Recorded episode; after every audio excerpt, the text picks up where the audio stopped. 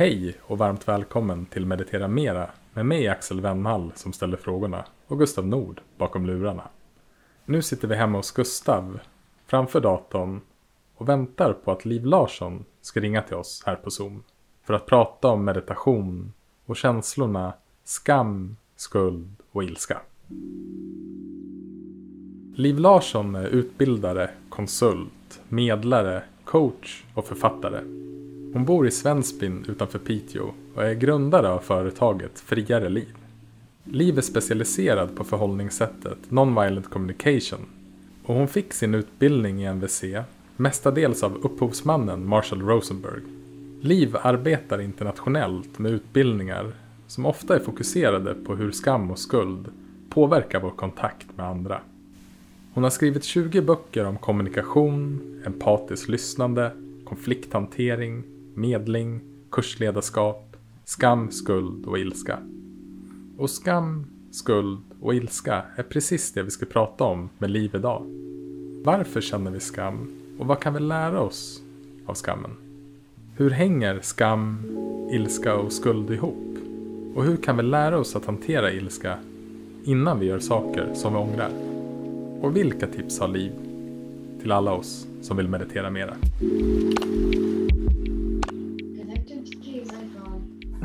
Nu kopplar du upp överallt här. Nu bara piper det och har sig. Ska vi sätta igång? Yes. Ja, vad härligt. Nu är vi äntligen uppkopplade och hör varandra. Hur, hur mår du Liv? Jag mår bra. Det, det känns kul att se vad vi kan prata om idag. Ja, för att jag har ju läst din bok Ilska, skuld och skam, tre sidor av samma mynt. Och eh, det vill jag djupdyka ner tillsammans med dig. Men innan vi går över på dagens ämne så för den uppmärksamma lyssnaren så har ju den hört att vi är tillbaka med en ny gäst i Svensbyn utanför Piteå. Så jag tänkte bara, det här är ju ingen slump utan vi, vi har ju fått som ett paket med både dig och Kai, vilket vi är väldigt glada för. Mm. Om jag har förstått det rätt så driver ni eh, friare liv tillsammans och ni arbetar och lever tillsammans också. Precis, vi både, vi både, och just nu så, så eftersom vi jobbar hemifrån så är vi, vi rör oss inom samma kvadratmetrar sedan ett år tillbaka. Både med firma och hem och son och hund och katt och, och gemensamt intresse för skidåkning i Norrbotten. Så det, det sitter ihop på många sätt.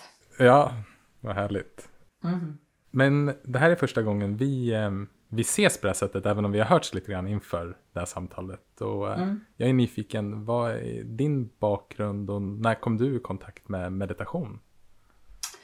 Oj, jag var en ganska olycklig tonåring. Hade mat, ätstörningar och åkte till Asien. Och av någon anledning så hamnade jag på ett ställe i, på Sri Lanka. Ett buddhistiskt eh, vipassana meditationsställe. Där jag blev förälskad i meditation för första gången. När jag såg att det fanns något ställe fastän jag kunde känna mig olycklig och frustrerad över livet. Där jag kunde hitta något ställe där jag där det kunde bara vara. Om än det där där ute ändå fortgick och med utmaningar och så. Så var det ändå ett ställe att gå till. Så det var mitt första möte så där på djupet med meditation. Jag hade nog provat någon gång innan men jag var väl i 20-årsåldern. Eller jag var 20 det året. Gjorde du någon sorts retreat då eller var det att du fick testa på meditation eller var det liksom, vad var din upplevelse av meditation där? Eh, Jag gjorde först en sån här 10 dagars tyst retreat eh, där man mediterar, du vet, jag vet inte, 8-10 timmar om dagen. Och eh, sen var jag kvar där i tre månader på det stället för att det blev en sån eh, det var en sån känsla av att på något sätt få en eh, vila, en paus i livet från allt annat som pockar på. Och sen åkte jag tillbaka dit en gång till senare och sen har jag varit på många sådana där eller jag var under många år på, på sådana tio dagars vipassana retreater. Nu är det länge sedan sist. Men det var, det var viktiga, viktiga perioder i mitt liv. Eh, me- Mediterar du fortfarande idag? Mm, eh, absolut. Eh, så gott som dagligen. Ehm, Och det är en kombination av både vipassana, närvaro, eh, eh, heartmath, att jag använder heartmath-tekniker. Eh, eller något annat som just då känns som det som när mig mest. Eh, men mest är det bara att, ett, ett, att ta sig stunden och vara utan att göra så mycket. Mm.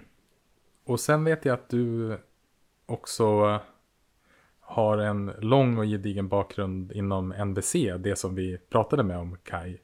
Mm. Hur, hur kom det sig och vad har du, hur har du jobbat med det under, Mm. under de här åren?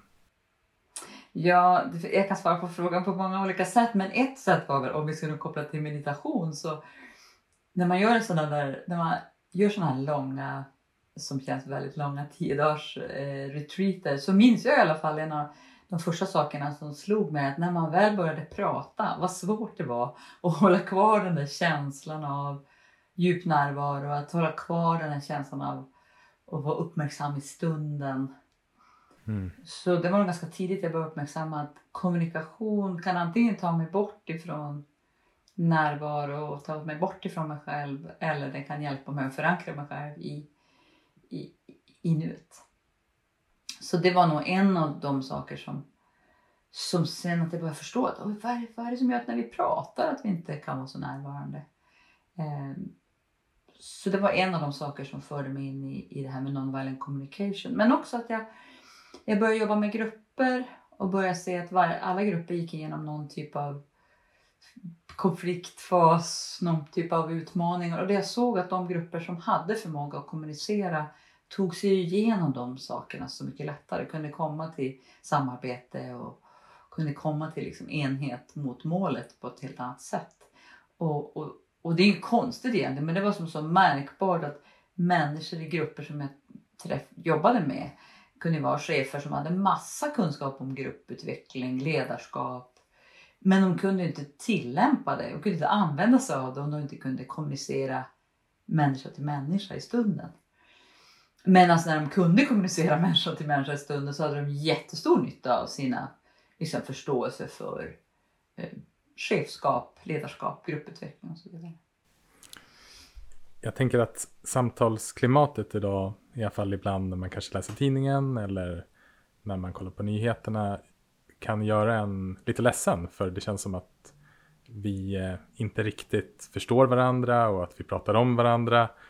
Eh, finns det något område där du gärna skulle vilja arbeta tillsammans med människor för att utveckla deras kommunikation? Jag tänker om det finns eh, någon konflikt eller någon annan del i samhället där du känner, ja men här, här, wow, vad de här skulle kunna ha nytta av att lära sig kommunicera på ett skickligare sätt. Mm. Eh, det finns många och, och kärnan i det som jag ser att jag har utvecklat och som jag kan är ju och det är kopplat till, till det här med min, en av mina böcker, den här Ilska, skuld och skam. Att jag ser att skam, men även skuld och ilska ställer till det så sjukt mycket när vi vill nå fram. Alltså vi blir eh, kidnappade av våra egna reaktioner, speciellt då med, eh, med skam på ett sånt sätt så att vi, vi blir ineffektiva. Och det kan ju vara alla områden. Det kan vara hur, liksom, hur polisen kommunicerar, det kan vara hur, hur lärare kommunicerar, det kan vara hur vi, hur vi undviker vissa ämnen, inte medvetet utan för att skammen på något sätt håller oss borta från de här ämnena. För vi vet att när vi pratar om det då kommer skammen att skölja över oss. Så jag ser ju massor, jag ser hela tiden förstås Mm. med mina glasögon, områden där med lite mer närvaro kring hur det där påverkar oss så skulle ju konflikter vara mycket lättare att lösa. Så jag vet inte om jag svarar på din fråga men det finns många områden är väl svaret. Ja, ja men det, det, det ser vi allihopa att det finns. Mm. Att, men det får mig inte helt osökt då, och att komma in då på det som på något sätt ändå är dagens eh, tema för vårt samtal. Och, och du skriver ju, ja, men som boken heter, Ilska, skuld och skam, tre sidor av samma mynt. Vad, hur hänger de här känslorna ihop och vad, vad är det här myntet? Mm. eh, för mig så hör de ihop så att skam är ju något som vi börjar uppleva som socialiserade varelser någonstans kring första smaken av det i ettårsåldern. När vi också börjar vara mer uppmärksamma på yttre världen, när inte bara är uppmärksamma på överlevnad utan vi börjar liksom relatera. Och sen så växer det och mognar allt eftersom vi, vi växer upp. Och ett av de sätten som vi använder för att slippa undan och känna skam, det är att vi blir förbannade på andra. Det kommer kanske senare för ett barns liv, men många av oss när vi blir så där riktigt arg, när, när vi möter någon som bara slår över och blir tvärilsk, så har jag i alla fall aldrig varit med om att om, om man kan lyckas återskapa kontakt så har det funnits ett ögonblick där den här personen har känt jättestor skam, någon slags kränkning, någon slags genans, någon, någon eh, en förödmjukelse som de bara inte vill, orkar eller vet hur de ska stanna upp med. Och så blir man arg och lägger skulden på någon annan. Om än det är konstruktivt eller inte, men man gör det som...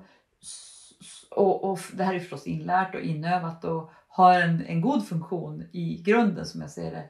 Men eh, skammen slår över till ilska men gör ju också att det blir ännu svårare att förstå en person. För ofta glömmer vi ju, om en Mm. person blir jättearg på oss så är det svårt att komma ihåg att åh, den kändes som kränkt.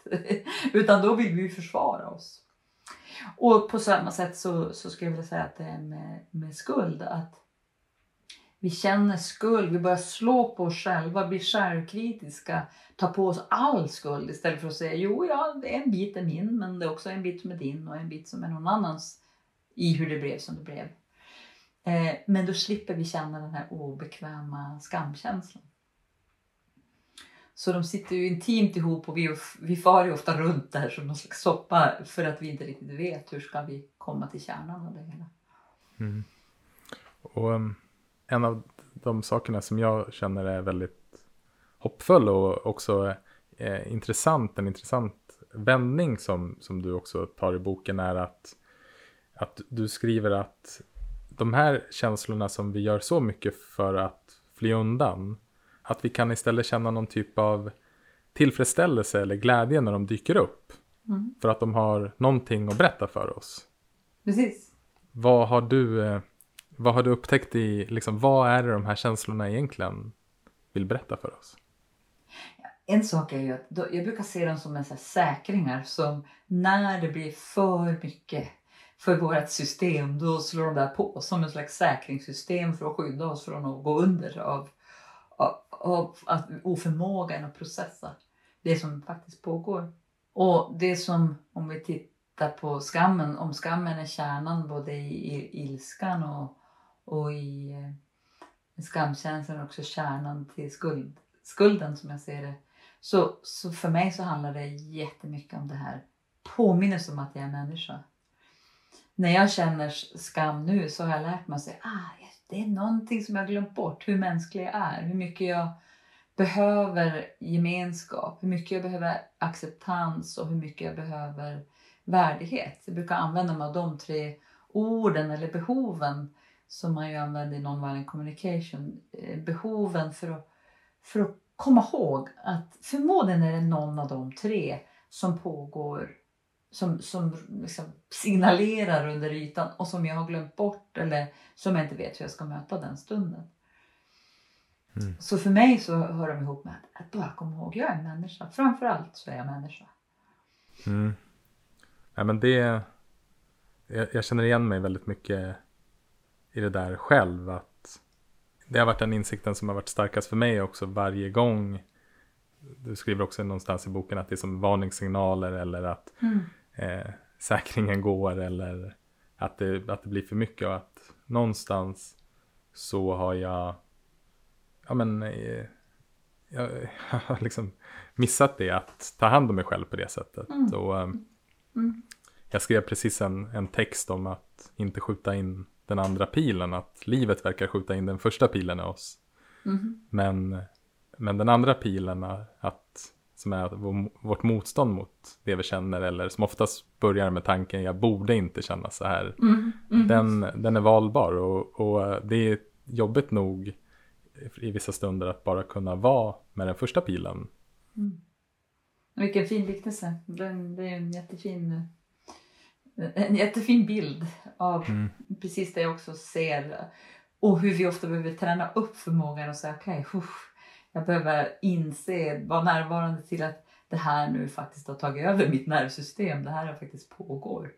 Så Mm. innan jag gör saker värre, vad kan jag göra då? För ofta gör vi ju saker värre tyvärr när vi känner skam eller skuld eller ilska. Vi, vi gör saker som bara bygger på bygger på och bygger på istället för att stanna till och fundera vad är kärnan i det här?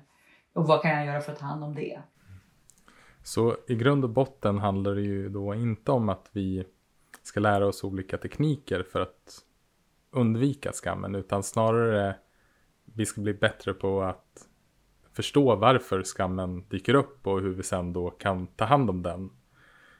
Hur, hur gör du själv om, om skam dyker upp i ditt liv som ändå som du har beskrivit som är ju en väldigt, väldigt intensiv känsla och eh, det, det, jag tycker det var en bra beskrivelse som du hade som att den kidnappar oss och jag, Mm. jag har själv ett minne när jag var och höll en föreläsning om meditation och eh, jag hade en ganska kritisk person på den här föreläsningen och eh, som till slut lämnade rummet.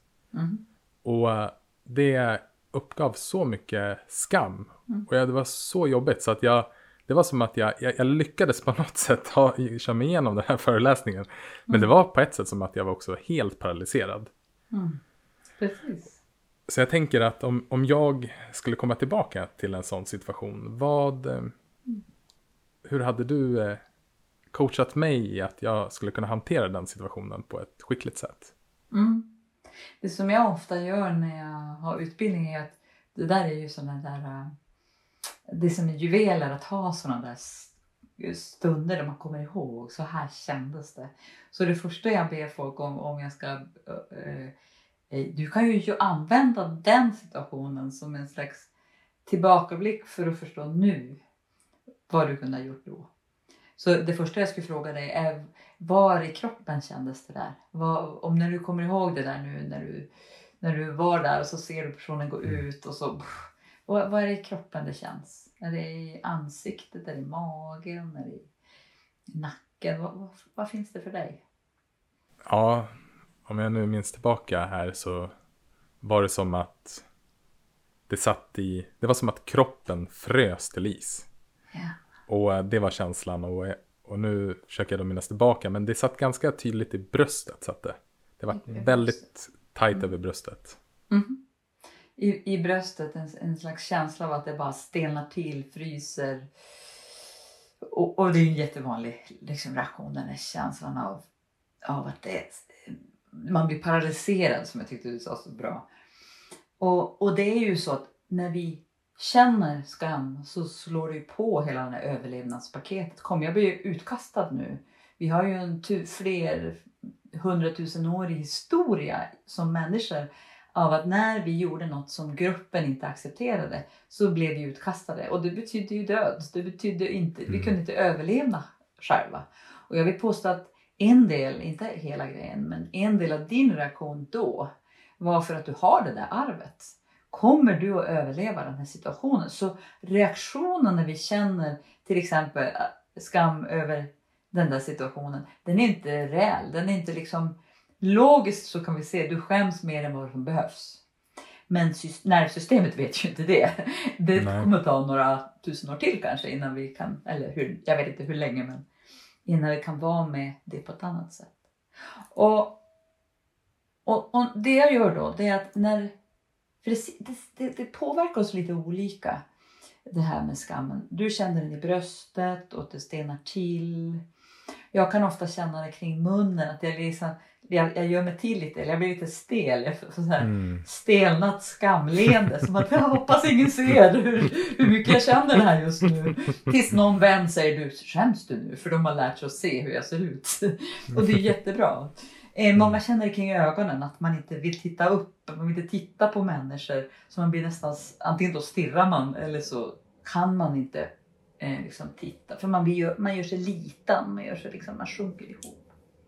Så, så det första steget är att lära känna i kroppen, vara närvarande till oj, det där är nog skam, det där känner jag igen. Att kunna få lite distans till reaktionen. Jag kan studera den lite genom att jag känner igen den. Och det andra är ju vad man tänker i den stunden. Så vad skulle du, om du kanske inte kommer ihåg, men kommer du ihåg vad du tänkte i stunden? Antingen om dig själv eller om den personen. Men jag gissar om dig själv eftersom du inte blev arg, det var något annat som hände. Mm. Ja, men det finns ju flera reaktioner i, i, som kom sen också efteråt och som jag gärna fortsätter vidare sen. Men, men just mm. i den stunden så dyker det upp, dök det ju då upp tankar som var kopplade till min självbild och alltså ganska mm. negativa tankar och um, självkritiska tankar och tanken mm. var nog den, den, den liksom kanske eh, den jobbigaste tanken var att nu har jag gjort någonting fel. Ja, just det.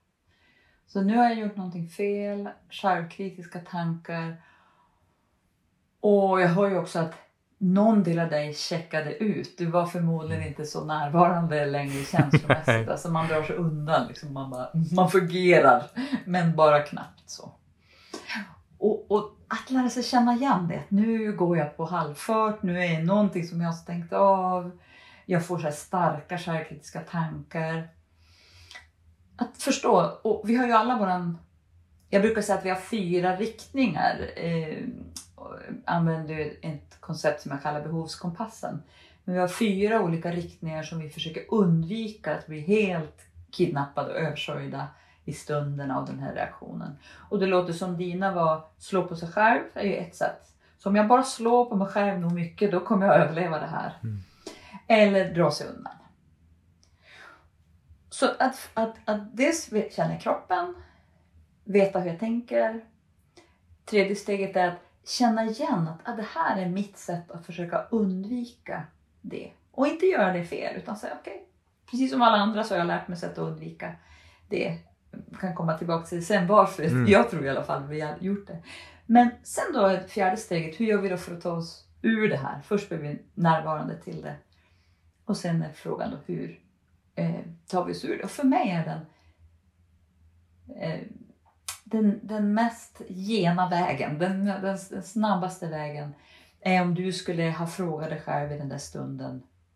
Så, så har det här att göra med acceptans, har det att göra med tillhörighet eller har det att göra med värdighet? Och om du skulle smaka på dem nu och komma till, ihåg det, skulle du säga att det var om acceptans, tillhörighet eller värdighet eller kanske ett par av dem? Ja, det är intressant för att jag tycker att alla de där tre på något sätt svarar upp mot det som jag kände då. Mm. Men tillhörighet blir ju, är ju väldigt tydlig att, mm. att det fanns eh, liksom en känsla i att, eh, att inte tillhöra, att, liksom, att vara utanför, att göra fel. Eh, och, och någonstans också någon form av värdighet också. Mm. Att, att um, det på något sätt krackelerar lite kanske den självbilden jag skulle ha av mig själv också som en duktig person, som en ja. duktig föreläsare. Någon som kan intressera folk för det som du vill ge och så vidare. Så, Exakt. Så, då, så då står du där och så ska du leverera och så har du dels ett behov av värdighet som, som skakar den här självbilden. Och sen har du ett behov av tillhörighet som är så grymt mänskligt, som är ja, vi, utan det så överlever vi inte. Så, så det steget handlar om att bara ta ett andetag och inse oj, nu, nu gungar min känsla av tillhörighet och nu gungar min känsla av äh, värdighet. Eh, och nu när du bara tänker på situationen nu och så kommer du ihåg de här, eh, eller tänker på situationen genom de ögonen. Hur känns det dig just nu när du, när du tar in det? Jo men det det känns väldigt mänskligt. Mm. Och det känns um, lite lättare. Och um, mm. Det som hände sen efter det här tillfället var då att det var min det intressanta med eh, ilska och skuld att det är också kopplat till skammen. För att efteråt när jag liksom mera kom i kontakt med känslan igen efter föreläsningen var över. Då blev jag ju arg.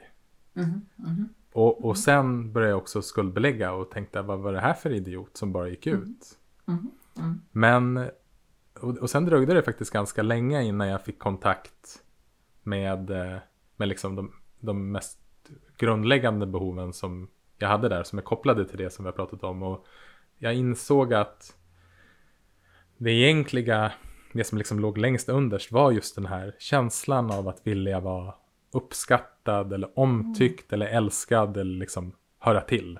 Och när jag Mm. såg det så då, ja men då var det också som någonting som släppte. Mm.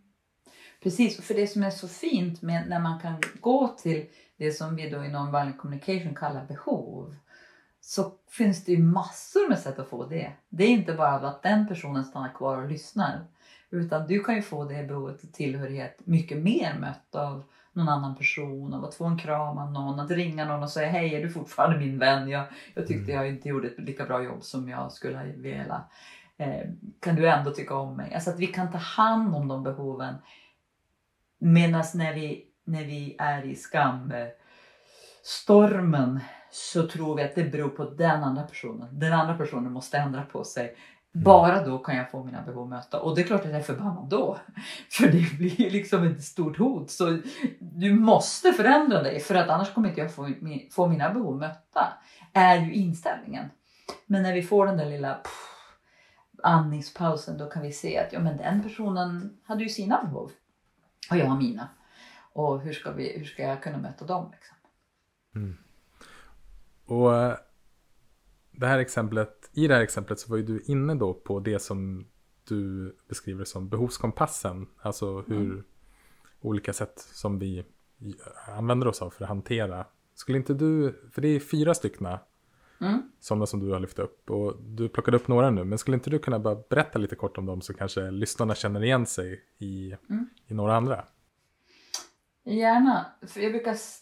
Det kom, det kom från att i non-violent communication så pratar man ju mycket om hur balanserar man det här med... Vad gör man de här tankarna som vi har lärt oss att antingen är det ditt fel eller så är det mitt fel. De här, liksom, någons fel måste det ju vara att jag känner mig olycklig eller frustrerad eller skamsen eller någon, någon måste man väl ändå kunna skylla på. Att vi har på något sätt lärt oss så mycket sådana tankar. Och de har ju sin funktion. De är ju, det är ju inget fel med att ha sådana. Men när vi tänker dem, brukar det vara svårt att veta eh, hur kan vi ta hand om behoven? Hur kan vi hitta flera vägar? Antingen än att du ska förändras eller jag ska förändras. Så på kompassen så är, brukar jag använda då öst-väst-axeln. Den, den, rikt- de riktningarna för antingen är det ditt fel eller så är det mitt fel. Så det är två sätt som vi försöker undvika skam. Det är att vi antingen ja, skyller på den andra. Han borde ha stannat kvar i det här rummet. Vilken idiot. Det, han borde förstå att jag är en jätteduktig föreläsare. den typen av liksom, som, som gör oss ganska så aktiva. Som, som gör att vi kan försvara oss. Som gör att vi kan springa därifrån. Så, så det finns ju en, en väldigt viktig funktion i, i ilska. Eh, men oftast när vi öppnar munnen för tidigt så skapar vi mer konflikter, skapar vi mer oreda. Det är ju problemet med det. Att våra, vi, har inte, vi vet inte hur vi ska prata i den stunden när det kokar. Liksom. Så det är på den ena axeln så är det antingen då ditt fel eller mitt fel. Och mitt fel-axeln, en del säger men varför har det att göra med att undvika skam? Många tänker att det är skammen. Men jag vill påstå att när jag känner skam så låt mig, jag brukar ta exemplet med, jag har skrivit en dikt och så ska jag läsa den för dig. Nu ska, jag- nu ska jag läsa den här dikten. Och, och den är jätte, den är liksom från djupet av mitt hjärta, det är någon allvarlig dikt, någonting som, liksom, som fångar något som är viktigt för mig. Och när jag läser den här dikten för dig så skrattar du. Du liksom hånflinar lite grann och tycker att vad är det där för något? Så om jag har tendens att slå på mig själv som sätt att undvika skam. nästa gång jag ska läsa en dikt för någon, innan jag läser dikten så kommer jag säga något i stil med det här. Ja, jag ska läsa en dikt nu och jag är ju inte någon, jag är ju inte någon poet ska du tro. Jag är ju ingen duktig på att skriva dikter. Eh, det kom, du kommer säkert inte att tycka om den. Eh, eh, förlåt mig, jag vill ändå läsa den. Så vi har redan slagit på själva så mycket så du kommer aldrig att kunna komma åt mig. Jag har redan skylt, lagt skulden på mig så skammen kommer aldrig att kännas för jag är inte så sårbar längre. Jag är inte så öppen längre för jag har redan lagt mig. Jag är som en boxare som har, jag har blivit betald för att knocka mig själv. Liksom. Mm. Så, så det kan vara lite, lite, lite svårt att hitta ibland. För att se att det är det jag gör. Och vad kan jag göra istället? För det blir väldigt vanemässigt. En del människor slår ju enormt mycket på sig själv som en slags det är som ett inmatat mönster, precis som en del slår alltid på andra. Mm. Så det är, två, det är två av de här riktningarna i kompassen. Och i nord och sydriktningarna av kompassen. Förresten första, den här väst östriktningen. Då är frågan som jag sa, vems fel är det? Vem ska jag lägga skulden på? Medan i nord-sydriktningen så är frågan vem har makt att förändra det här? Vem har kraft, potential, makt att förändra situationen? Och i norr så är det jag som har all makt i situationen. Jag kan förändra allting i den här situationen. Det är inställningen. Så jag behöver egentligen ingen annan. Jag, jag är liksom en, jag är fri, självständig, självtillräcklig. Jag behöver ingen. Det är ett sätt att känna skam. Så, eller undvika skam. Eh, att jag aldrig ens erkänner att jag känner skam. Och i den motsatta riktningen eh, så drar jag mig undan, ger upp, släpper allt hopp om att förändra, för jag har ingen makt. Jag slår inte längre på mig själv nödvändigtvis, men jag bara säger jag kan inte förändra det här så jag ger upp. Så, så, och du kan ju höra, alla de här har ju ett pris. Alla de här Mm. har ju sitt, sitt eget pris som de kommer med. Och det jag tänker på är att alla de här fyra väderstrecken som du nu har målat upp, att inget av dem är ju riktigt sant heller. Utan att det är en väldigt begränsad bild av verkligheten. Precis. Det är ett desperat försök att, att liksom förenkla tillvaron. Eh, eh, för att liksom ta sig ur. Men den, är ju, den fångar ju inte allt och därför blir ju alla strategier, allting vi säger utifrån de fyra riktningarna. Det kommer aldrig att nå riktigt fram. Det blir alltid liksom någon restprodukt som man ska städa upp efter sig när man Mm. agerar i de där fyra. Det är inget fel att göra det, att agera i dem, men det kommer att ha ett pris. Tyvärr. Jag tänkte, jag ville prata lite grann med dig om två tankar som verkar skapa mycket av vårt lidande. Och det är tanken borde och eh, tanken att någonting är rätt, rätt och fel. Rätt eller fel. Mm. Hur ser du på de här tankarna och hur är de kopplade till skam och skuld? Mm. Det, som är, det som är så häftigt med de tankarna det är att vid en viss ålder, alltså när vi är någonstans eh, först, vår första socialiserade ålder så är ju genom dem vi börjar navigera. Vi liksom ser att oj, när någon ler emot mig, ja men då är det ju bra att le tillbaka. Det är rätt sätt att göra det på. Då kommer jag vara är accepterad. Då kommer jag fun- det kommer funka. Liksom. Jag borde göra vissa saker. Jag borde kunna vissa saker i vissa åldrar. Så de, de har ju som en, en, de har en väldigt viktig funktion i att bygga upp någon slags stabilitet i oss. Som vi kan falla tillbaks på när vi är med om stress längre fram i livet. Problemet är ju att vi stannar där eller vi går tillbaks till det och så är vårt språk så mycket format på den nivån. Så att när vi ska prata om något som är jätteviktigt för oss så har vi en tendens att säga och du borde tycka likadant och det här är rätt, det har jag bestämt. För att det är så, vi är så mycket passion bakom det. Och vi har inte format ett språk som, som har mognat. Vi har liksom stannat där lite i sandlådespråk som jag ser det. För det som är så fint med, för mig var det en sån aha när jag stötte på nonviolent communication. Det jag under många, många år innan hade försökt göra mig av med tankar som borde och tankar som är rätt och fel. Jag hade försökt liksom motarbeta det på alla möjliga sätt. Meditera bort dem, terapeutisera bort dem, försöka liksom skära bort dem ur min, min värld. För jag märkte att de ställer ju till det. Men det som var så fint med Marshall Rosenberg som grundade MVC, hur han istället för att vi ska slänga ut dem, hur han visade hur bakom varje sånt här borde, bakom varje rätt och fel så finns det några viktiga behov. Och när vi istället för att stanna kvar vid borde, borde, borde, när vi istället frågar oss varför är det här bordet så viktigt? Vad är det för behov bakom som passionerat vill fram? När vi går till de behoven då är inte bordet något problem längre. Det är inte ens där. Det är som tydligt att det finns ju massor med vägar. Det finns inte bara en rätt väg utan det finns massor med vägar.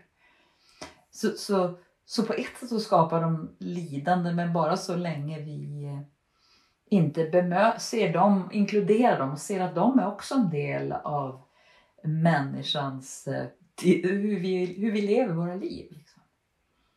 Och att nu så kan jag höra mina borden som oj vad spännande, nu kommer ett sånt där jättestarkt borde som inte jag har hört på länge.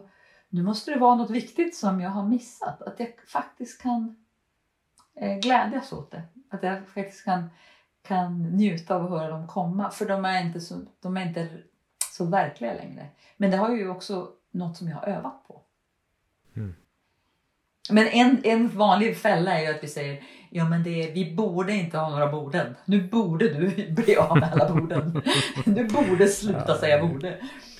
Sk- Skyldig till den kan jag ju... Kan jag ju Ja, du är inte ensam. Nej, det, det, det, det vet jag. Det är många som inte borde. borde. Ja. Ja, nej, men, nej, men, Mm. men också någonting som eh, är väl, är väl viktigt att kunna, och det tänker jag att med hjälp av meditation att vi kan börja, verkligen börja lära oss att skilja på vad det som faktiskt har hänt i verkligheten och vad är vi, vad liksom, vad vi tänker om det som har hänt. Att kunna observera utan att värdera, att kunna fråga sig själv, okej men det här som jag känner nu, har det hänt någonting i verkligheten som framkallar den här känslan? Eller är det att jag tänker på något sätt kring det som har hänt? Mm. Och att bara där så finns det också en, en, en frihet i att se att ja, men jag känner känslan. Känslan upplevs som väldigt sann. Men den kommer inte från någonting som faktiskt har hänt i verkligheten. Mm. Marshall Rosenberg kan brukar säga det att eh, lidandet kommer 90% från hur du tänker på det och 10% från det som har hänt. Och det är ju ingen fakta, det är ju där, inga procentsatser som är eh, doktorerade på. Men det säger något om, om hur, mycket, hur mycket vi lägger, vi lägger så otroligt mycket vikt vid upplevelsen av någonting.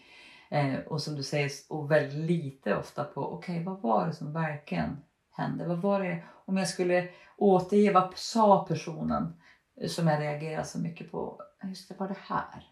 Och så sen realistiskt se det. Men ofta behöver vi få någon slags känsla av förståelse för det här inre livet först. Den här, alltså att det också inte blir tystat av att vi är så logiska att vi kan liksom, nu ska skilja observation från fakta. Att vi nästan tar död på det. Men att smeka och skära medhårs och säga okej, du, jag förstår att det är tufft. Låt oss titta på vad som egentligen hände. Och jag, jag förstår att det är tufft. Så att vi inte börjar sparka på oss själva och säga du borde förstå att det här är bara baggis. Utan att vi gör det med empati till oss själva. Mm. Skyll dig till den med. Så att, eh, Ja, ja. ja, det, det, det, finns, det finns många borden man kan plocka upp längs eh, ja den här verkligen. meditationsresan. Oh, ja. Jag tänkte, jag tänker på det här, hur... eh, En, en annan del som också kopplad till, till dina expertisområden om kommunikation och skuld och skam. Hur, hur kommunicerar vi på olika sätt som leder till skuld och, sam, skuld och skam? Och hur kan, hur kan vi bli mer uppmärksamma på, på vårt sätt, på vårt språk? Så att vi... För man kanske har en, man lyssnar på det här avsnittet och så har man en intention att ja men jag vill i alla fall inte skuldbelägga eller få andra människor att skämmas, även om det såklart det ligger på deras ansvar. Men jag vill försöka vara, bidra till dem. Mm. Mm. Så vad är det vi säger och hur använder vi språket som leder till skuld och skam? Mm. Ja, skam brukar man säga förenklat handlar ju om alla angrepp mot dig som person. Alltså vi säger när vi är frustrerade och behöver hjälp eh, så, så försöker vi få den andra att bara lyda oss genom att vi säger du är inte normal, du är självisk, du är du är, är för dominant. Jag, jag, hittar etiketter på dig som du, som du var inne på förut. Som jag kanske intuitivt vet kommer att krossa din självbild. Så, så jag säger saker som får den där självbilden att skaka. Och så att du ska lyda mig. Så det är vanligt sånt språk, alltså att vi sätter etiketter på varann när, vi, när någon annan inte gör det vi vill att de ska göra. Mm. Medan skuldbeläggande handlar ju mer om att ja, men du borde tänka på någon annan. Du borde agera annorlunda. Du borde vara mer omtänksam. Du borde vara mer... Eh, eh du borde vara snällare. Alltså att vi, vi har... Eh, vi använder bordet mycket mer när, vi, när det är ren eh, skuldbeläggning. Sen gör vi oftast en, en soppa av alltihopa. Mm. vi blandar det friskt för att få våra vilja fram fastän vi kanske anar att det här kommer inte att leda till något bra. Och det som jag tycker är spännande är ju att när vi, när vi känner skuld så finns det alltid ett lager av skam med i skulden. Mm. Men det är inte alltid det finns skuld med när vi känner skam. Så till exempel min mamma ber mig om hjälp med någonting som jag eh, inte agerar på. Jag kanske säger ja och så glömmer jag bort det och hon är 84 och behöver min hjälp. Och jag glömmer bort och hon ringer en gång till och ber om det. Då kan jag börja känna skuld för att jag tänker att jag borde hjälpa henne. Och när jag har hjälpt henne så är det spännande också så att då går ju skulden, skulden försvinner ju i alla fall för den stunden. Men jag kan ha skammen kvar över att jag, vem, jag skambelägger mig själv.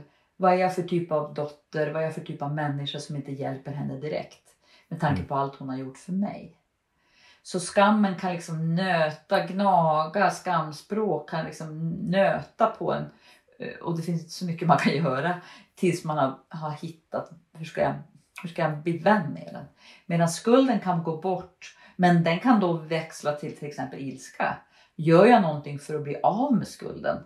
Alltså hjälper jag min mamma för att jag inte vill känna skuld längre?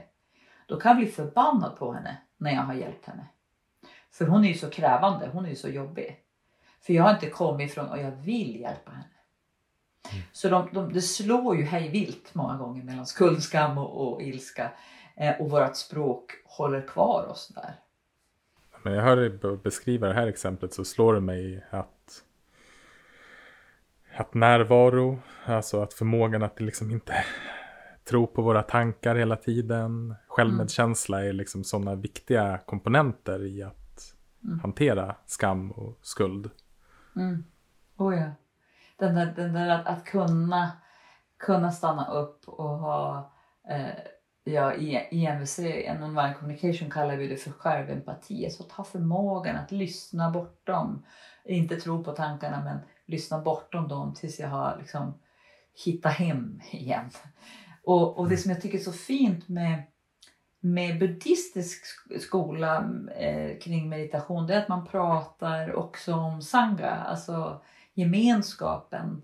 Den, den grupp man har runt om sig när man praktiserar någonting. För jag brukar säga att skam, visst kan du vara du kan, vara med, du kan vara med skammen och vara själv med självempati och lyssna inåt.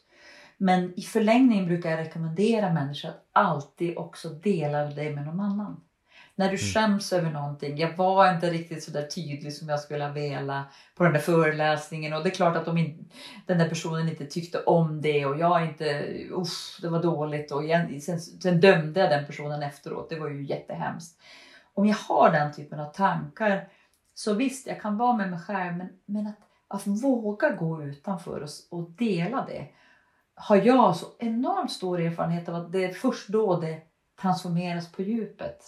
Och då vi blir, vågar vara verkliga på något sätt. Då vi inte går omkring och har massor processer som vi har blivit jätteduktiga på att hantera själv. Men vi blir liksom vi blir aldrig riktigt verkliga för någon annan. De tror att vi är helt perfekta medan vi ju har massor med jobb. Och, och det, sätt, det, det, skapar ju också en sanga eller en, en grupp som inte där, där det blir tystnadskultur eller där man ska vara perfekt. Så det finns ett värde i att också faktiskt be om hjälp. Eh, eller det finns många värden med att be om hjälp. Mm. Ska jag vilja påstå. Mm, nej men, um, jag, jag, känner, igen, känner igen mig och känner igen det där verkligen. Och I att, att det finns så mycket att lära sig i gemenskapen. Och mm. det finns ingenting nästan som kan fånga ögonblicket som en person som är sårbar och är ärlig och delar med sig av det som är tungt för den personen att bära just då. Exakt. För det är på något sätt, vi kommer tillbaka till det som du började med, att då får man hjälp att påminnas, just det, vi är alla människor. Mm. Vi delar mm. alla den här mänskliga upplevelsen.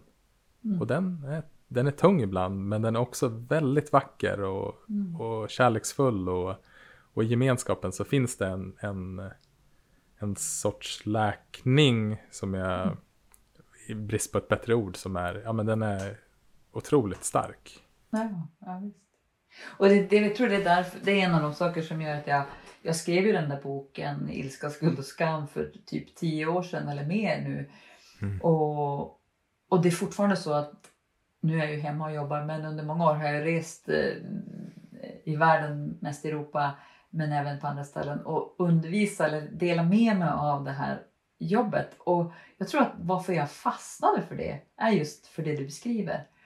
Det finns ju många ämnen eller delar av kommunikation som, som är intressanta men det som attraherar mig med att jobba med skam det är att när vi gör det och vågar stanna upp då kommer vi i kontakt med den sårbarheten. Vi kommer i kontakt med att det handlar inte om att vara perfekt. Det handlar inte om att vara liksom duktig. Livet handlar som människa, som vi nu föds, har fötts till människor, så är ju det en del av, eh, av läroplanen. Det är att öva på att vara människa i, i, i det här livet.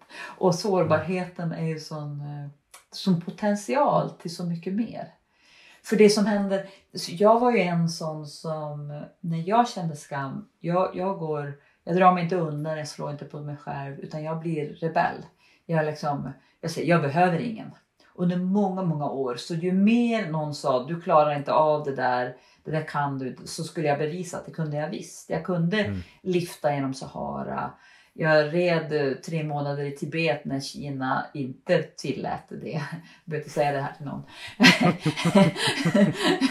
Får inte översätta det till kinesiska. Det är många år sedan nu. Men jag gjorde sånt som var förbjudet, farligt utmanande som nästan för att bevisa att jag är inte sårbar. Jag klarar mig, jag är on top. Jag är den som, jag är självständig. Och det var först efter eh, ja, någonstans där i 25-30 års åldern jag började fatta att oj vad ensam jag är egentligen. Jag skulle inte ha sagt det, bevisa det eller visa det för någon. Men jag känner mig otroligt ensam. För jag tillät mig aldrig ha intimare, djupare relationer. Jag tillät ju aldrig någon att riktigt se min insida. Jag var alltid liksom Kajsa Kavat och gjorde det ena äventyret efter det andra. Och jag såg fri ut. Alltså från utsidan så kan man säga, gud vilken frimodig person. Och visst var det sant, men en frimodig ensam person. Så jag betalade ett extremt högt pris för att undvika att någon skulle säga, men du skäms ju också. Nej, det gör jag inte alls skulle jag ha sagt. För att det var så läskigt och var så... Och det här var även sen jag hade börjat meditera så var det ändå de ställena, det var som en blind fläck skulle jag vilja påstå. Att jag inte förstod hur mycket det styrde mig. Än att jag faktiskt valde. Mm. Jag sitter här med, med din bok och jag har slagit upp en sida som jag eh, tyckte var så himla stark. Och det är när du, och vi har varit inne lite grann om det, om det här med etiketter och bedömningar och, och att ta ansvar för det vi själva känner men att vi ibland då flyttar över våra behov på att andra gör på något sätt. Och, och, och du har rubriken är tragiska sätt att be om empati och i det så har du en dikt av, eh, jag tror i alla fall att det är en dikt av Katarina Hoffman. Jag vill bara läsa Mm. upp ett par, eh, eh, ett par rader där. Eh, Min längtan är ömsesidighet. Jag kallar dig egoist. Min längtan är kontakt. Jag kallar dig avvisande. Min längtan är trygghet. Jag kallar dig oansvarig. Och så fortsätter den hela vägen ner tills hon avslutar med Jag vill så gärna bli sedd och jag kallar dig blind. Mm. Och jag tyckte den fångade någonting så himla himla viktigt att bli medveten om. Just det här, vad är behovet? Och, och det, det, det är ju både lite sorgligt och lite humoristiskt när man ser det. Att man har en så stark längtan efter någonting. Men man kan inte uttrycka det. Och på det sättet man uttrycker på, på det så är det som att man bara kommer längre ifrån det behovet man själv har. Mm. Nej, precis. Och det är, det är ju tragiskt samtidigt som vi utifrån kan vi också, när vi ser det hos andra, så kan vi säga du, skulle du, kan, jag, kan jag bli insläppt? Men det är en annan aspekt Eh, av skam som vi inte har pratat om. Det är att den här typen av sårbara skamkänslor behöver man ju själv välja att vilja se. Ju mer jag försöker tvinga någon att inse du känner också det här, desto mindre kommer de att visa sig öppna för mig. Så det behöver verkligen vara en självvald process och oftast så kommer ju den processen in i någons liv vid ett visst ögonblick när man är beredd för det. För många, många gånger när jag har kurs då säger folk åh alla skulle kunna det här. Ja, så alla, inte, alla har inte det fokuset i sitt liv just då. Det handlar mer om något annat. Men det finns en, en tid när jag ser hur människors utveckling går liksom i, i det, det, liksom mångfaldigas av att om man vågar inkludera även de här ställena. Det, är liksom, det, det, det berör alla andra områden, man växer på så många sätt när man kan hantera det här. Det, det tycker jag är så fint. Verkligen och att det känns också tycker jag så himla hoppfullt när man, när man precis som eh, boken heter, när man ser den andra sidan av myntet av de här extremt eh, utmanande känslorna för att de är ju väldigt utmanande att vara Mm. närvarande med. Eller svåra Mm. känslor eller Mm. så här. Men att på andra sidan myntet så finns det ett, det finns någonting att lära sig här. Det finns ett behov att, att komma i kontakt med och kan jag komma i kontakt med det behovet så helt plötsligt då har ju jag mitt liv berikats. Mm. Mm. Jag brukar ju utlova när jag har kurs så brukar jag utlova så här att jag har ju allt mellan två till fem dagar för att djupdyka i det här både att förstå hur jag kan kommunicera med andra när de känner skam och med mig själv och så. Då brukar jag säga att första dagen så brukar jag säga att ja men jag, det här är liksom en, en sales pitch att någon gång under de här dagarna under den här kursen så kommer du att tycka att det är spännande att känna de här känslorna. Du kommer att se fram emot nästa gång du känner skuld, skam eller ilska. Eh, du kommer till och med att kunna njuta av det stundtals. Och då brukar folk skaka på huvudet så det går ju inte. Men, men det är fascinerande hur fort det går. När jag väl vågar vända mig om och titta på det här istället för att springa ifrån det. Hur det faktiskt kan bli en pirrande glädje över åh nu är, håller jag på att skala av ett lager som hindrar mig från att vara fullt ut människa. Så för mig så är det så att jag, jag ser verkligen fram emot nästa gång jag känner skam. Eh, för att jag vet att det finns alltid någonting där. Det finns alltid en gåva där som jag, som jag, kan, som jag kan få om jag vågar stanna upp med det. Är det när det dyker upp i ditt liv, har du var inne på det innan att de fysiska signalerna, har du, har du lärt dig då att snabbt notera, okej, nu påkopplas det här lite stela leendet. Nu, nu är det någonting som, nu är det någonting här som är på gång. Mm. Mm. Och jag har lärt mig att jag, jag säger till mig själv, jag säger ingenting så är det ingen som märker något. Det är en vanlig tanke för mig. Jag säger ingenting, jag låtsas som att det är lugnt eh, och hoppas att det bara går över. Då vet jag att då kommer jag behöva säga det här. Mm. Det var häromdagen, vi jobbar ju hemifrån precis som de många andra och jag satt på en Zoom-konferens och jag var den som skulle hålla i det här. Och så bara insåg jag, jag har inte laddat min dator så den kommer att dö om fem minuter. Och det här var människor från hela världen. Jag hade tre timmar. Och tanken kom, jag liksom låtsas som ingenting. Men jag kan, säga, jag kan, inte, jag kan inte låtsas som ingenting för då, då kommer det alltid bli svart. Och så då fick jag hjälp av det. Så, så, så fick jag hjälp att i stunden demonstrera vad jag kan göra med skam. För det var ju, det, hela seminariet handlade om skam och hur det styr vår kommunikation. Så istället kunde jag säga, vet ni nu, nu har, jag ett, nu har jag ett exempel här som pågår just nu. Kan vi pausa det jag håller på med så får jag berätta vad som pågår. Så kunde jag berätta. Nu vill jag helst, jag vill helst undvika att säga det här. För jag vill bli sedd som perfekt, jag vill bli sedd som kapabel, jag vill bli sedd som att jag har koll. Men jag har faktiskt glömt. Och ladda min dator och jag har kabeln i ett annat rum. Och, och så kunde jag beskriva hur det kändes och, och i kroppen.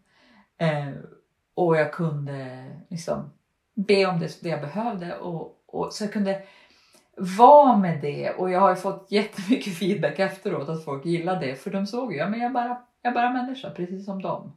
Jag kan göra misstag, jag kan göra dumma saker. Och jag, de såg att det gick ju att överleva. Det var inget märkvärdigt med det. Jag behöver inte säga åh vad hemskt och, och vad jag skäms. Det var inte, så, det var inte att åh, nu tar det här över. Utan ah, nu pågår det här. Det jag skulle kunna göra något jättedåligt val. Jag skulle kunna ställa till mer om jag inte bara tar det för vad det är. Så får det gå över. Då är skammen jag har ju skamsituationer som jag har jobbat med som jag inser att hade jag haft verktyg för det för 20 år sedan då hade skammen gått över på två, liksom en minut, två minuter. Medan många av de här skamsituationerna har jag burit med mig 15 år istället. För jag inte vetat hur jag ska förhålla mig till dem. Mm. Så skam kan ju verkligen, verkligen hänga sig kvar. Det är som att se mig, se mig. Eh, om vi inte transformerar dem. Ja, de kan också gå över väldigt fort. Mm.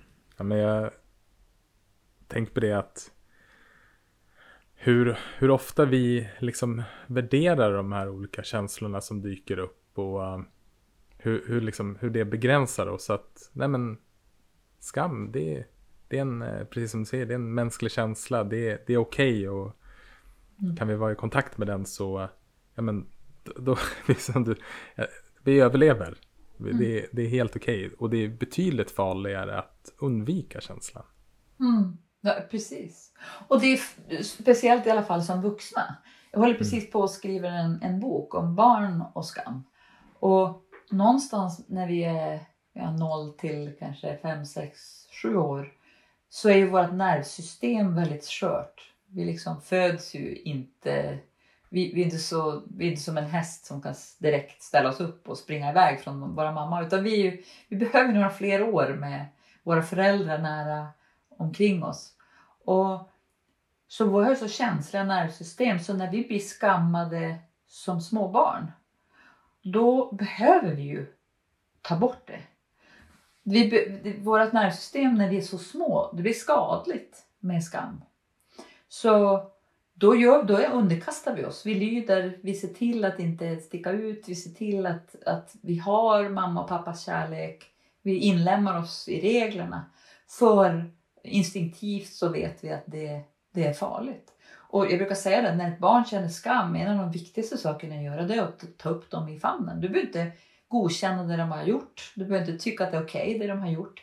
Men de behöver veta att de fortfarande tillhör. Mm. De behöver veta att du fortfarande kommer att inkludera dem. Du kommer inte att kasta ut dem till vargarna.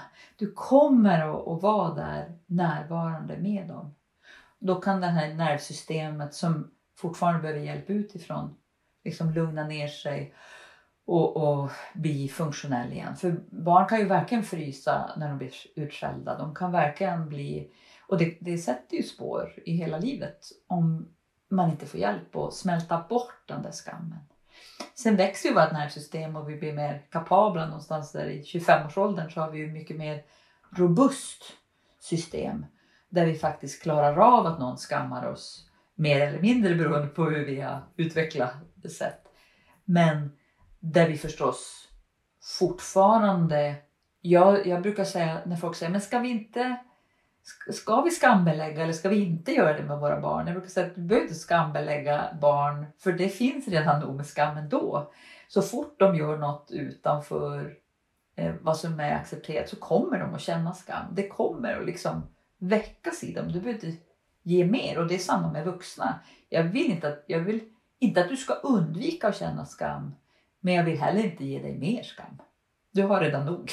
Det finns, det finns att ta av om man säger så. Mm.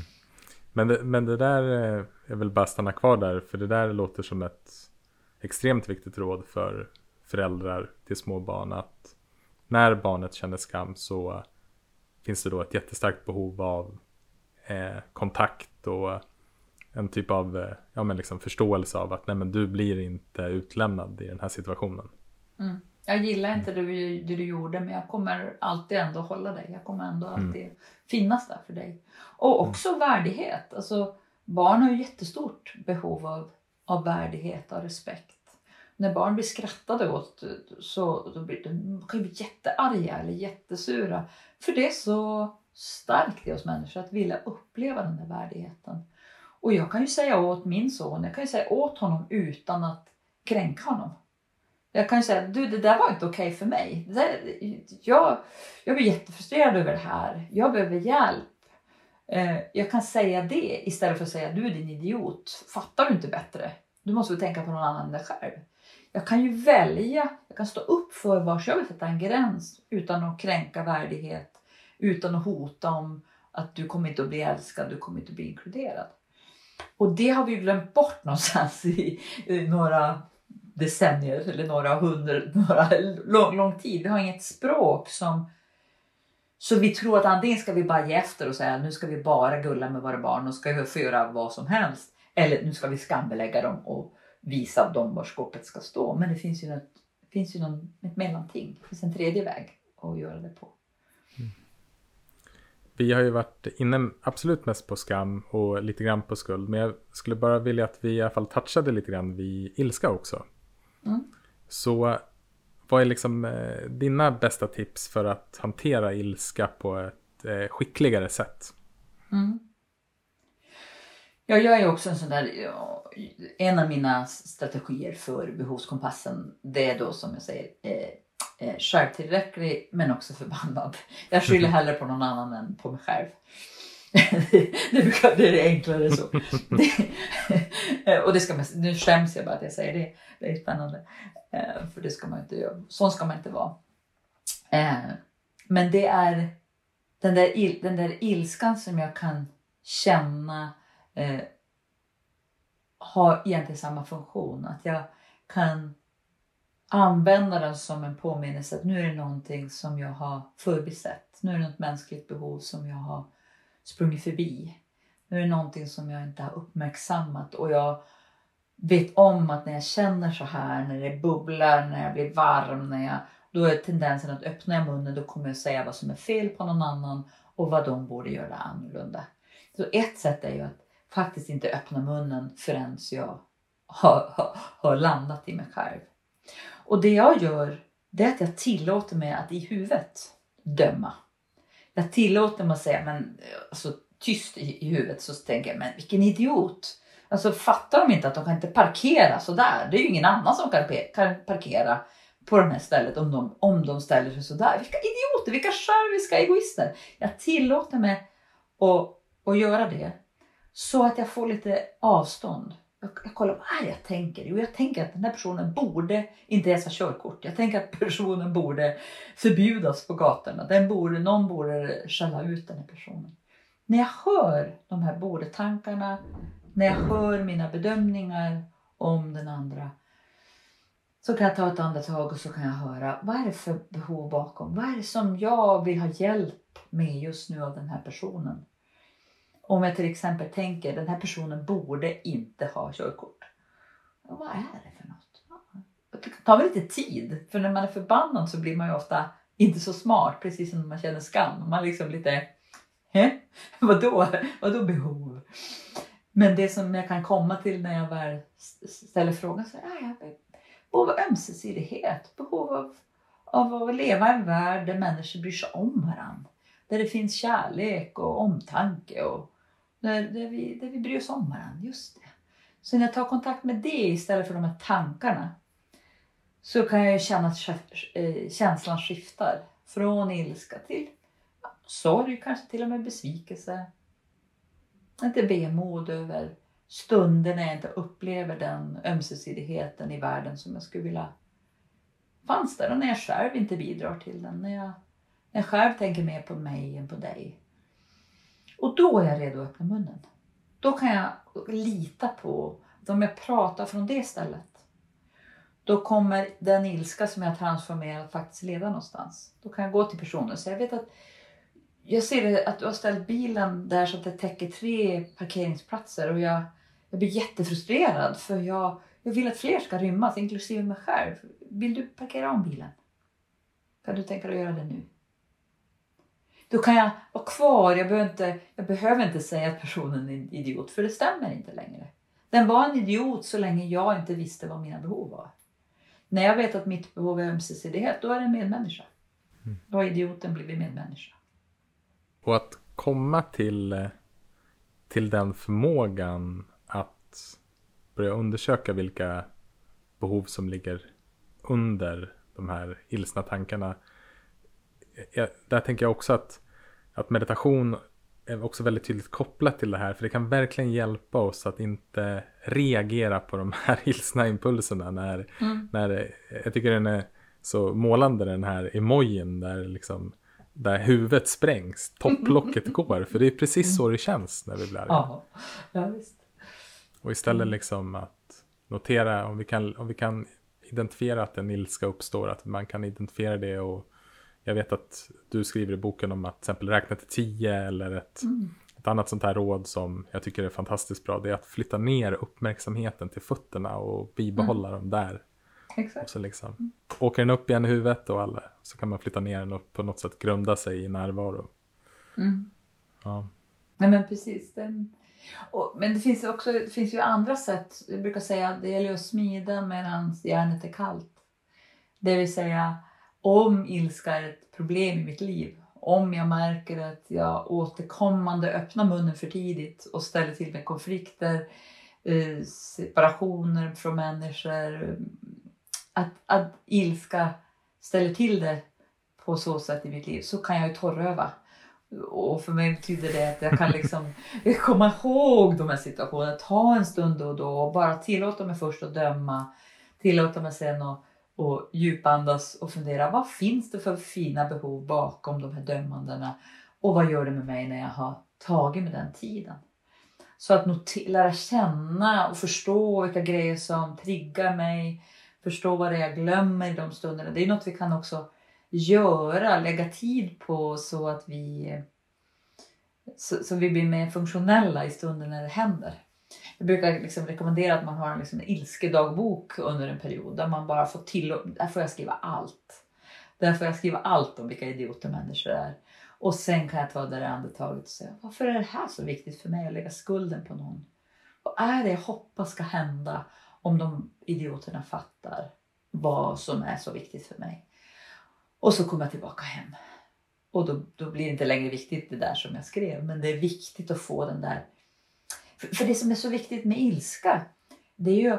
Vi kan ju vara frusna i skräck om någon eh, kränker oss. Om någon skadar oss. Om någon skadar ett barn. Eh, om någonting händer så kan vi ju fry, frysa liksom. Av när skammen tar oss. Och då är ju ilskan en otroligt viktig nivå att vi kommer till den. För det mobiliserar ju kraft, mobiliserar ju rörelse i kroppen. Ilska liksom frigör hormoner av olika slag, kemikalier som sätter igång oss. Och förhoppningsvis att vi då inte bara hämnas utan att vi skyddar. Att vi har på något sätt övat så mycket på att hantera den där starka kraften som frigörs till att se till att skydda ett barn eller skydda oss själva eller vad det kan vara. Men har vi lärt oss att ilska är fel, att ilska är dåligt, ja då är risken att vi, vi har stry, strypt den, att vi inte tar tag i, får, får kraften som mobiliserar oss, som mobiliserar oss att skydda. Så det är dilemmat när vi börjar döma skuld, skam, ilska och så vidare som fel. Istället för att säga att ja, de är en del av den här läroplanen som det är i att vara människa. Och, och även ilskan, att lära oss tycka om den, älska den. Eh, och lära oss ett språk som, som gör att den kommer till nytta snarare än skadar oss. Så, så verkligen inte göra det fel. Nej. Nej, men det är återigen vikten av att inte värdera våra känslor utan att tillåta dem och sen mm.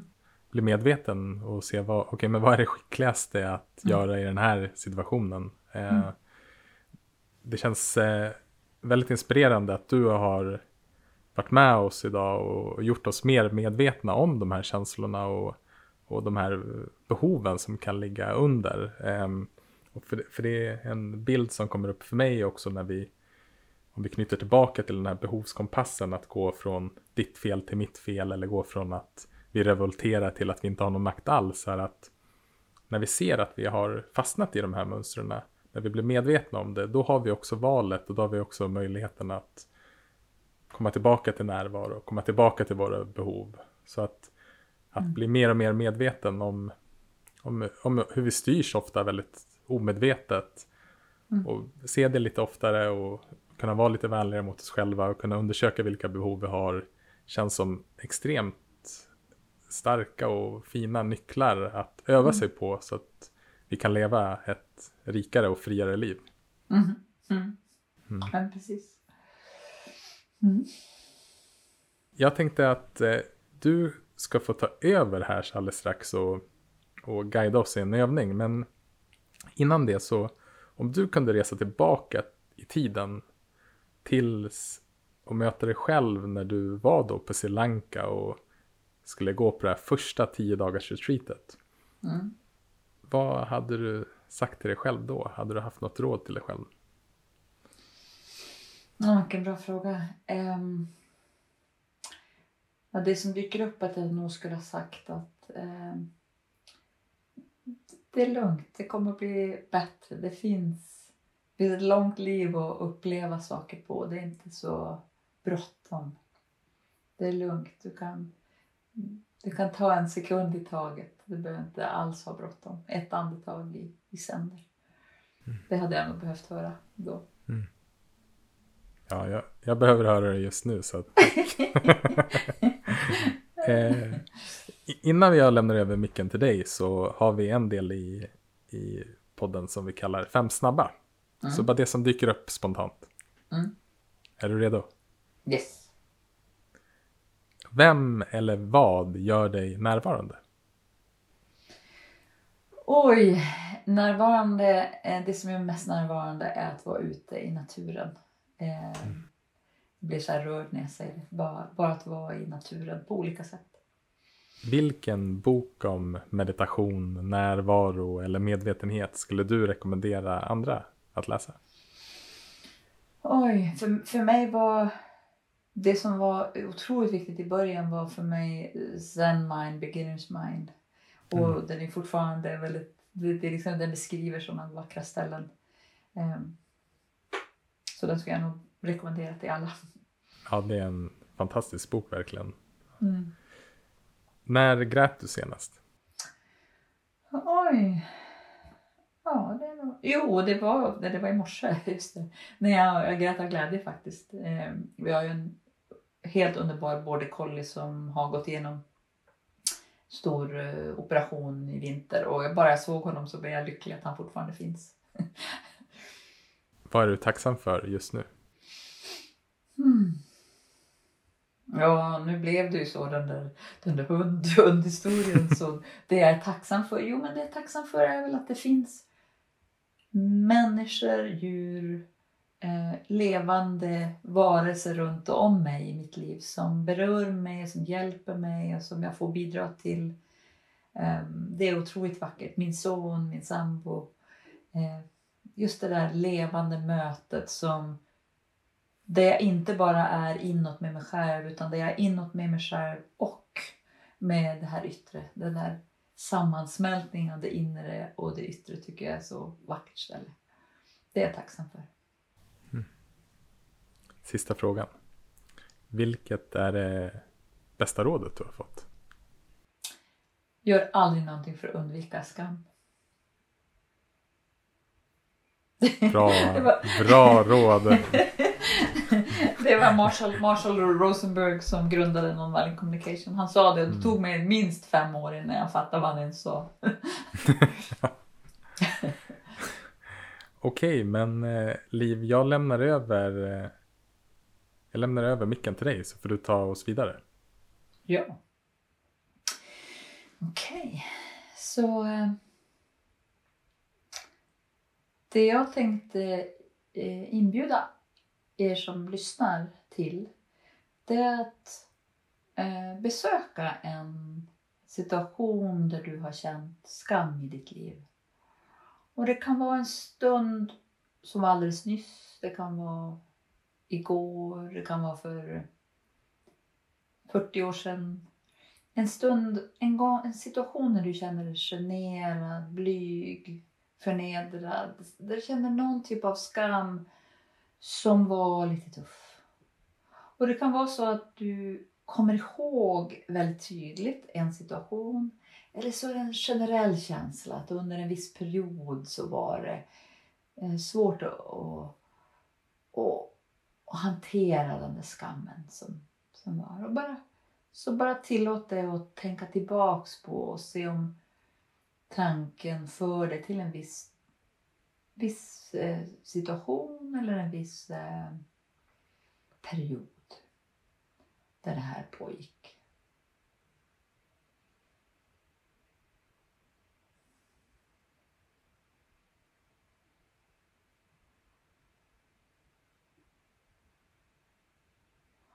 Och i den här stunden, oavsett om du kommer ihåg en specifik situation eller mer generellt. Vad skulle du säga var dina viktigaste behov i den stunden? Och jag skulle börja med att väl, välja mellan acceptans, tillhörighet eller värdighet. Men för det kan det vara ytterligare något annat. Vad var det du längtade efter då? Vad var det du behövde just då? I den där stunden när det var svårt att känna något annat än genans eller pinsamhet, blygsel, skam. Vad var det du längtade efter i den stunden?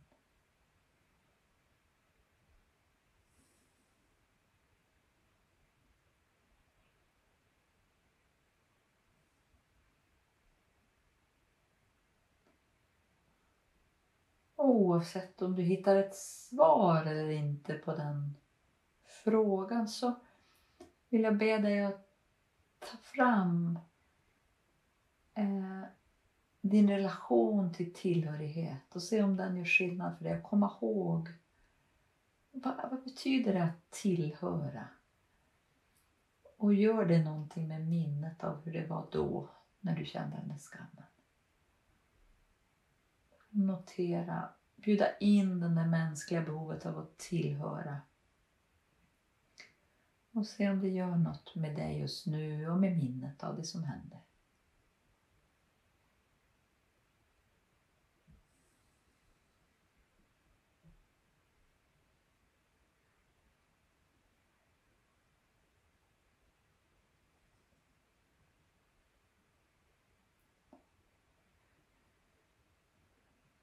Bara notera om det kommer ett svar eller inte.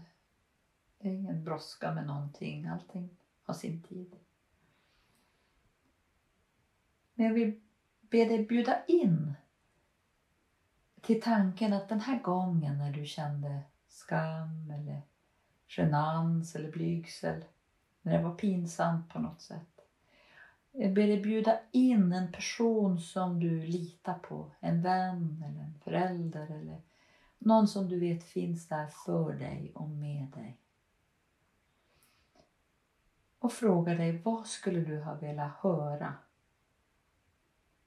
den där gången? Vad skulle ha hjälpt dig att få höra av någon? Vad skulle den personen ha kunnat säga som hade gjort skillnad just då?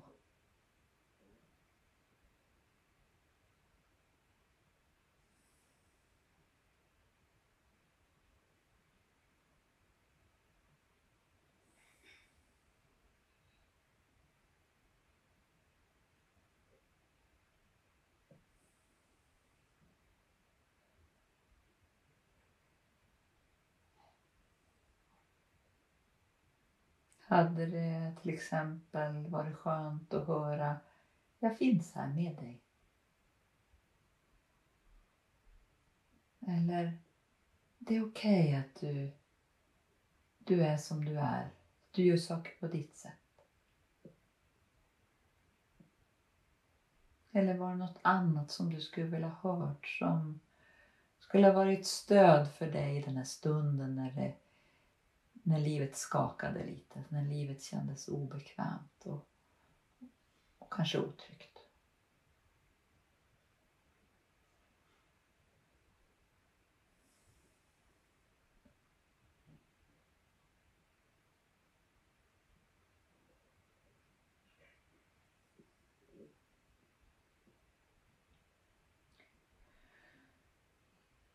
Och så bara tillåt dig att komma tillbaks ännu mer till den här stunden.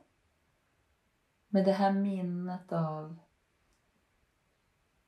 den här situationen, med minnet av att det fanns någon där med dig och för dig. Och bara notera hur det känns just nu.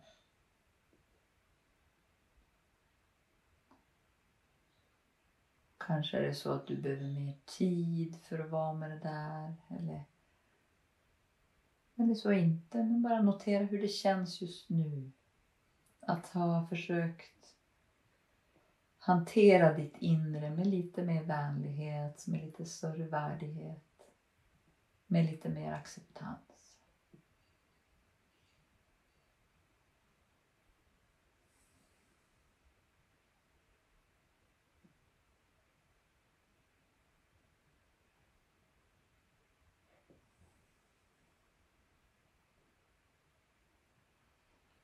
Kanske tillåta dig att ta ett par riktigt djupa andetag i, in i den här människan som är du.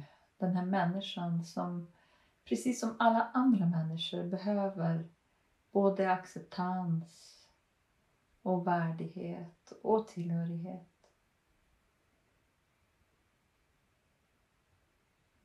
Bara tillåta och påminna dig om den aspekten av livet som innebär att vara människa. Framförallt människa.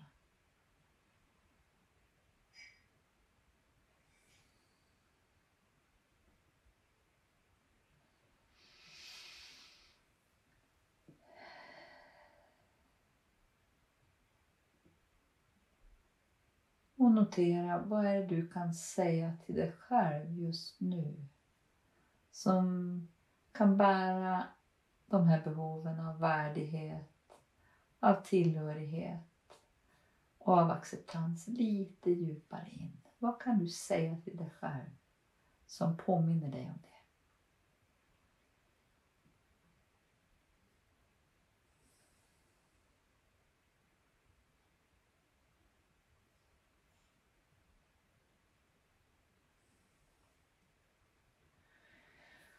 Och jag hoppas att du har fått med dig en kontakt inåt med ett ställe i dig själv som du kan ta med dig ut i, i din vardag.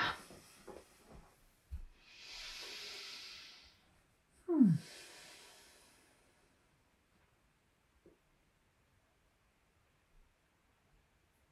Mm, tack. Fint. Mm. Liv, eh, tusen tack för att du har tagit dig tid och prata om eh, skam, skuld och ilska och hur vi kan upptäcka behoven som ligger bakom dem. Innan vi säger då för, i, för den här gången så tänkte vi bara fråga dig om det finns någon gäst som du skulle vilja lyssna på i Meditera Mera och som du skulle vilja rekommendera oss att intervjua. Mm. Oj. Eh, det finns säkert en, en, en massa. Eh, men det är ingen som dyker upp just nu. Jag tror att jag har varit lite i stillhet. Så i, det är ingen som dyker upp just nu. Du kan precis som eh, lyssnarna mejla oss på hej mindfully.nu om det kommer upp någon ny. Eh, väldigt gärna. Väldigt gärna. Mm. Tusen tack igen. Det har varit jättefint att få träffas så här, här digitalt. Jag hoppas som sagt att vi eh, eller jag hoppas att vi får chans att ses framöver när det är möjligt igen. Ja. Jag hoppas alla tar hand om sig där ute. Den här äh, ensamheten som många känner är ju en, en, en utmaning som jag tror att vi behöver veta, förstå att vi behöver ta hand om efter det här. Mm. Tusen tack. Tack. Tack för att du har lyssnat på det här avsnittet av Meditera Mera med Liv Larsson om meditation och ilska, skuld och skam. Vi hoppas att du har blivit inspirerad av vårt samtal och av Livs övning.